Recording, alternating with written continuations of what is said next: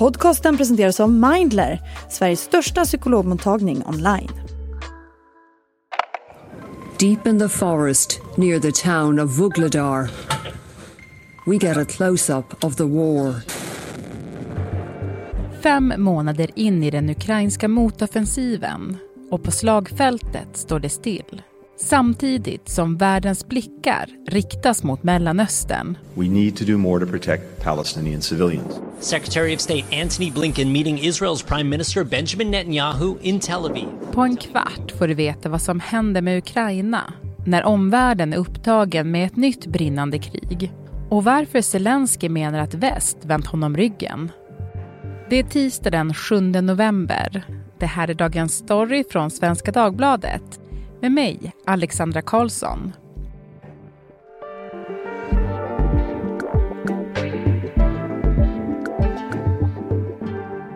Gäst idag, Gunilla von Hall, utrikeskorrespondent på SvD, baserad i Genève. Du Gunilla, hur pressad är Ukrainas president Zelensky just nu? Jag skulle säga att han är enormt pressad och han är arg. Han är frustrerad.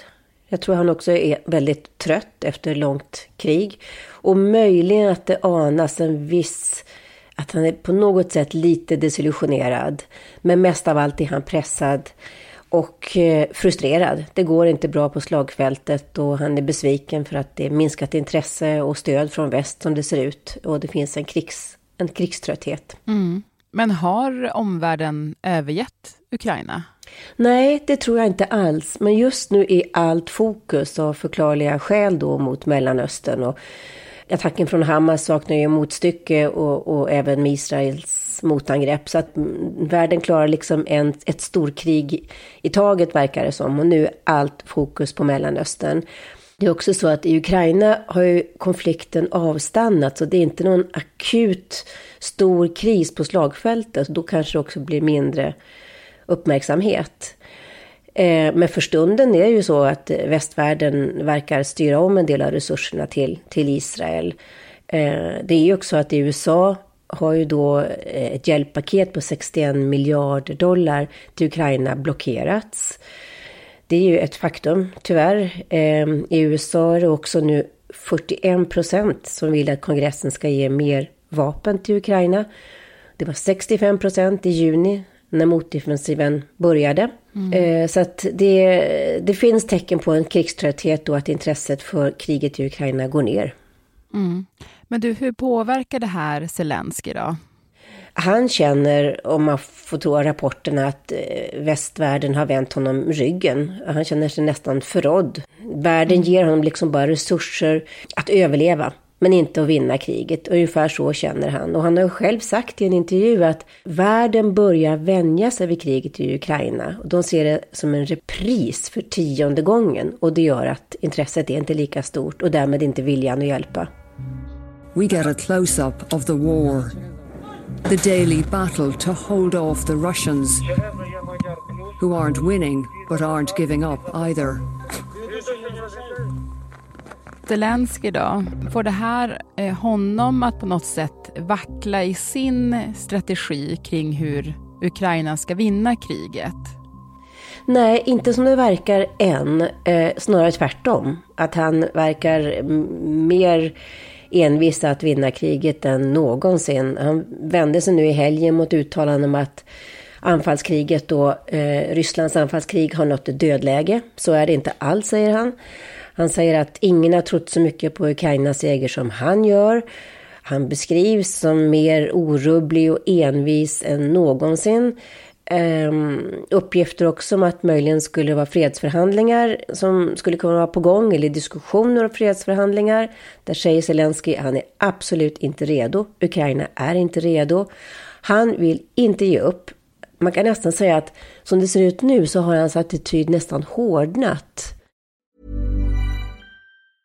Normally, being a little extra might be a bit much, but not when it comes to healthcare. That's why United Healthcare's Health Protector Guard fixed indemnity insurance plans, underwritten by Golden Rule Insurance Company, supplement your primary plan so you manage out of pocket costs. Learn more at uh1.com. Zelenskyj är ju inte själv där. Jag tänker de runt omkring honom.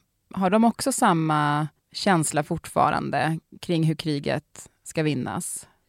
Ja, det verkar som att det finns, eh, inte många, men viss, en viss oro och en viss tveksamhet bland en del personer omkring Zelensky. Eh, och i en artikel i Time nyligen då, som, där reportern hade spenderat då flera veckor med Zelensky och hans medarbetare, så uppgavs det då att Zelensky är så envis och hans medarbetare säger att det går inte att diskutera några andra strategier än krig just nu. Det är tabu att prata om möjligheter att förhandla med Ryssland. Eh, rådgivare försökte avstyra då Zelenskis besök till Washington därför att de ansåg att han kommer inte att bemötas på samma sätt och få lika stort stöd som första gången han kom till USA. Och så blev det också. Han togs inte emot som en, som en hjälte som förra gången. Och eh, ja, han åkte ifrån USA ganska snopen. Och eh, även Ukrainas överbefälhavare han sa nyligen att något genombrott vid fronten är inte i sikte. Ukrainas kapacitet räcker inte till. Tiden, ser inte, tiden står på Rysslands sida och läget ser inte bra ut för Ukraina. En före detta rådgivare till Zelensky har också sagt att han har gjort strategiska misstag. Bland annat att han då skulle gå fram så hårt i söder, eh, vilket kanske inte har fungerat visar det sig ju. Och även att man skulle vilja gå fram österut mot östra Ukraina har inte heller fungerat som tänkt, vilket vi också ser i verkligheten hittills. Så att det finns ett visst missnöje och frustration i kretsen kring Zelensky, verkar det som, som börjar puttra. Eh, men just nu tror jag inte att det här missnöjet omkring honom kommer att påverka honom som det ser ut idag. Mm. Men om vi stannar en stund vid slagfältet då, Gunilla, för att eh, även i den här podden har vi ju inte gjort så många avsnitt om Ukraina på senare tid. Eh, det pratades jättemycket innan eh, om den här motoffensiven, att det skulle vara liksom Ukrainas stora chans. Eh, det har gått ungefär fem månader sedan den inleddes. Hur går det för dem? Alltså det går inte bra från Ukrainas synvinkel. Eh, I våras, som vi pratade om då, så skulle det vara den stora våroffensiven och den blev sen den stora sommaroffensiven. Och man skulle bryta igenom söderut och österut. Men ingenting har ju faktiskt hänt som är av substans.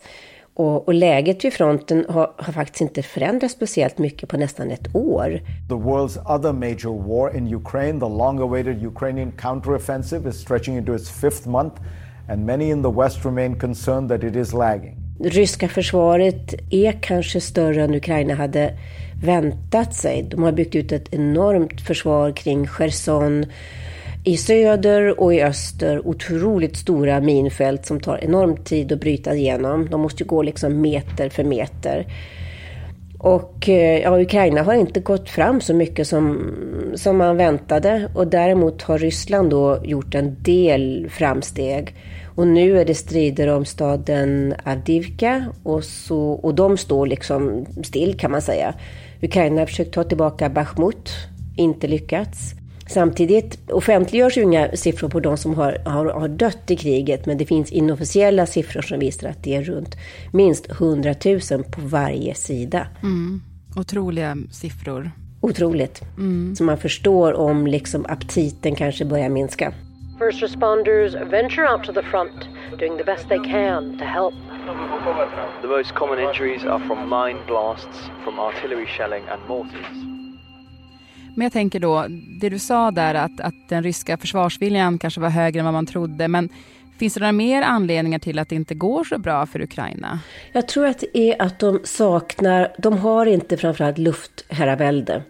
Utan det är Ryssland som styr luften. Ukraina har inte de stridsplan F16 som man vill ha, eller Gripen då från Sverige som man vill ha. Och att vapen och ammunition inte kommer in i den omfattning man vill för att det tar tid att producera och transportera och få in.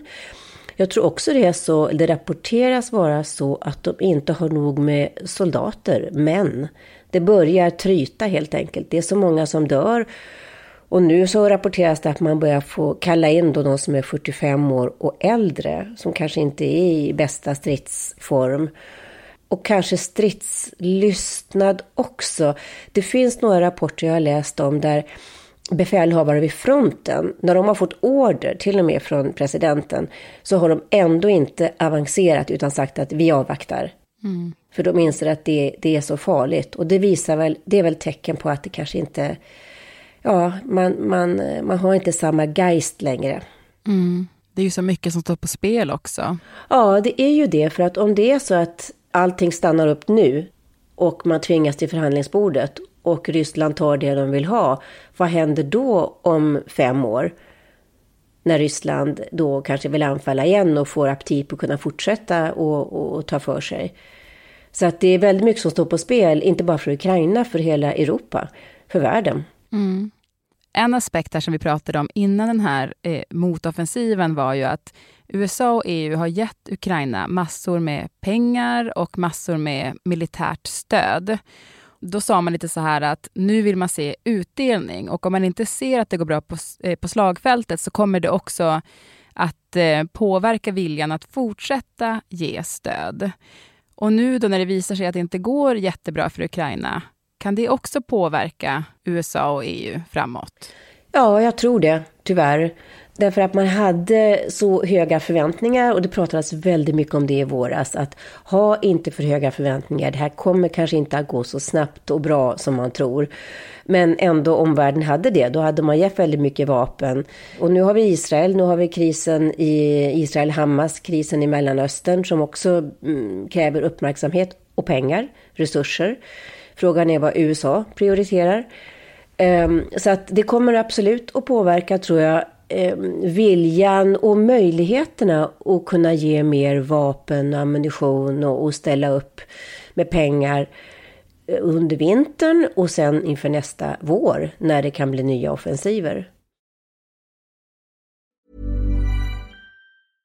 Hej, jag Ryan Reynolds. At Mint Mobile, we like to do the opposite of what Big Wireless does. They charge you a lot, we charge you a little. So naturally, when they announced they'd be raising their prices due to inflation, we decided to deflate our prices due to not hating you. That's right. We're cutting the price of Mint Unlimited from $30 a month to just $15 a month. Give it a try at mintmobile.com slash switch. $45 up front for three months plus taxes and fees. Promo for new customers for limited time. Unlimited more than 40 gigabytes per month. Slows. Full terms at mintmobile.com. Ukraine pays the highest price for defending freedom and global security.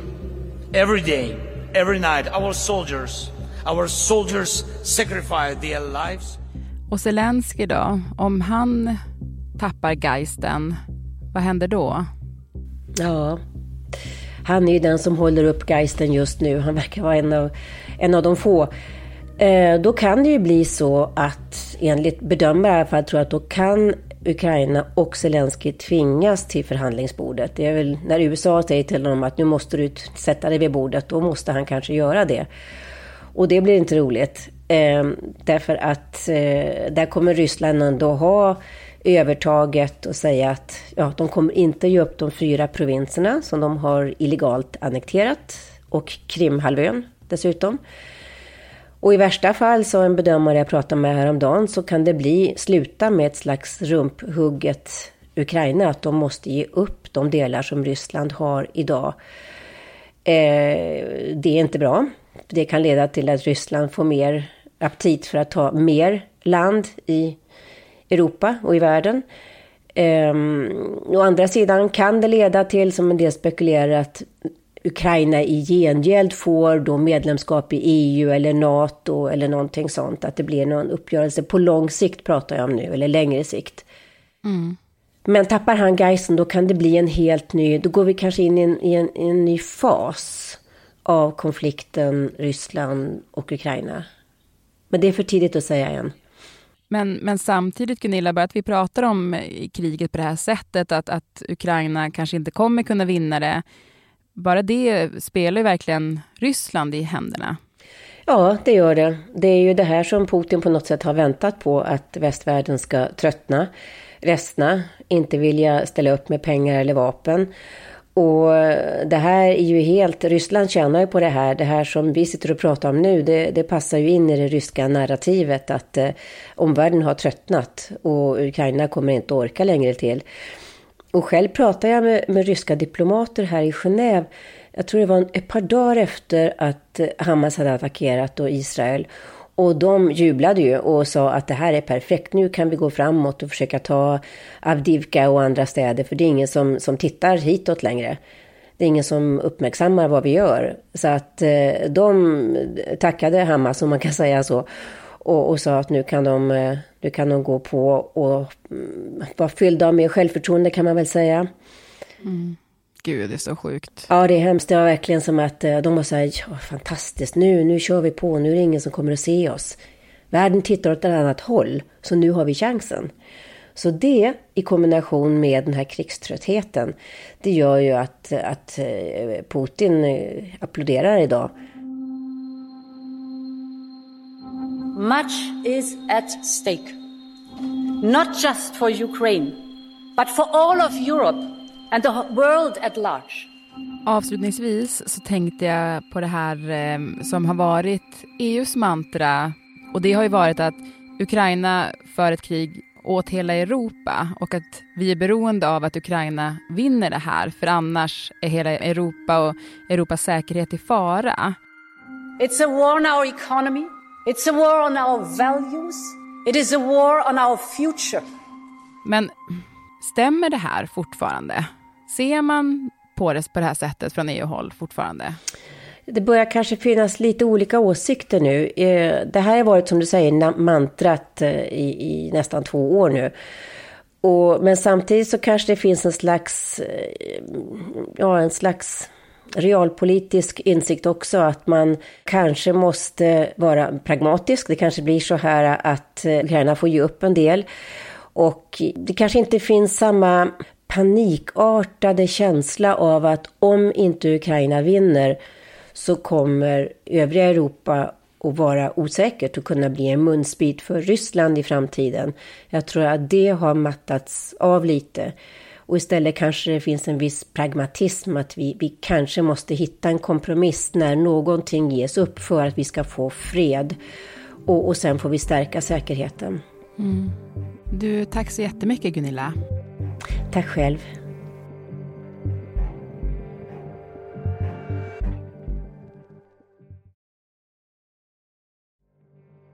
Producent idag var Moa Larsson, redaktör Maria Sundén Jelmini och klippen kom från CNN, CBS News, BBC och Europakommissionens Youtube-kanal.